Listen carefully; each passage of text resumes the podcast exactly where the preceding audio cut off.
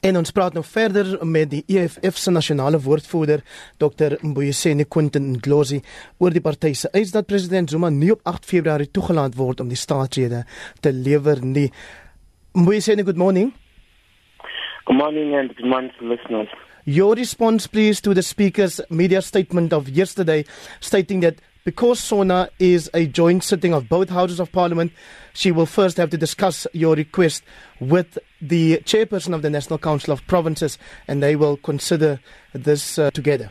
Well, of course, I mean, we welcome that, and uh, it is indeed the speaker been constructive, and um, we must state categorically that um, it will not deter us, obviously, from the commitment that should an opportunity not be given to ventilate the motion of no confidence before the State of the Nation address.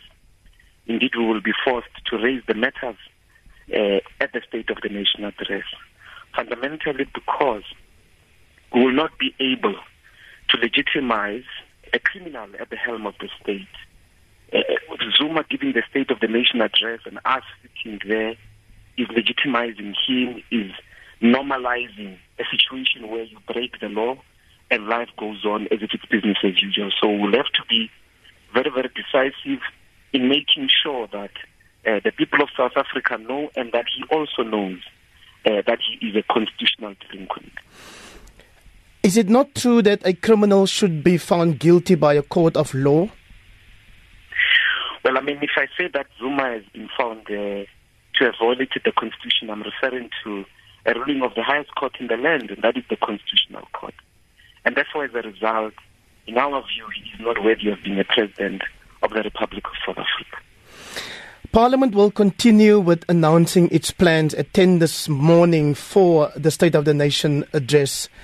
Are you happy with that fact? As I've said, our position is not so much that there shouldn't be a State of the Nation address. Our position is that uh, a session of Parliament should be convened before the State of the Nation address consider a motion of no confidence because we believe that the majority of the members of parliament, which are Zuma's peers who have elected him, no longer feel confident. We want a new session of uh, State of the Nation address in which we really discuss the issues that face our country, that face our people, including having debate on the propositions of policy that would have been put on the table. That is unable to happen with Zuma at the helm. And therefore, that's why we are saying let us all give ourselves an opportunity to put South Africa first and not be held at ransom by any individuals. Your chairperson, Advocate Dali Mpofu, said on another radio station last night the EFF will not encourage or mobilize ANC MPs to support a vote of no confidence.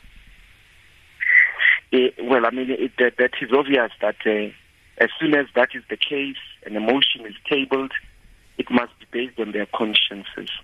And the consciences not only of members of the ruling party, but all who are participants uh, to decide in the interests of the country, and not of parties or of an individual called Zuma. So, just to be clear, you will attend the State of the Nation address even if the president is the one delivering the address?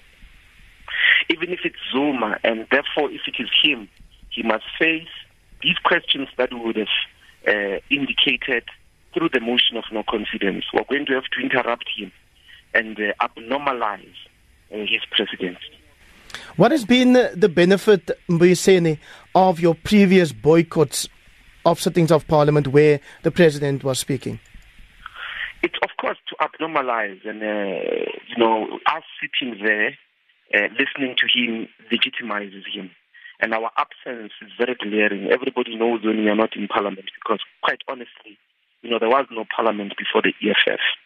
So if we are not there, there's no public interest uh, in either the debates or the politics of parliament. So essentially, we are what the public is interested in, and therefore we are able to use that particular, you know, cultural capital uh, to abnormalize presidency. And that's not just one strategy we also engage him in the ways that we have in particular in the last State of the Nation address. So let's imagine that the ANC decides it will not be President Zuma but Deputy President Ramaphosa delivering the State of the Nation address. Are you guaranteeing the nation that you, there will not be any disruption given your recent criticism against? Absolutely. We're saying here that there is one man. So no Marikana, uh, no Buffalo. I said to you that there is only one man upon whom there is a standing constitutional court ruling that he has violated the constitution, and that is Zuma. We will be prepared to debate and expose Cyril through the content of our arguments. We'll be prepared to ideologically expose him, uh, and that gives an opportunity for a genuine debate about the issues that face our people and a demonstration that the ANC has no solution to the problems that face us. But with Zuma, he's a criminal, and therefore there's no debate with criminals. They belong to jail.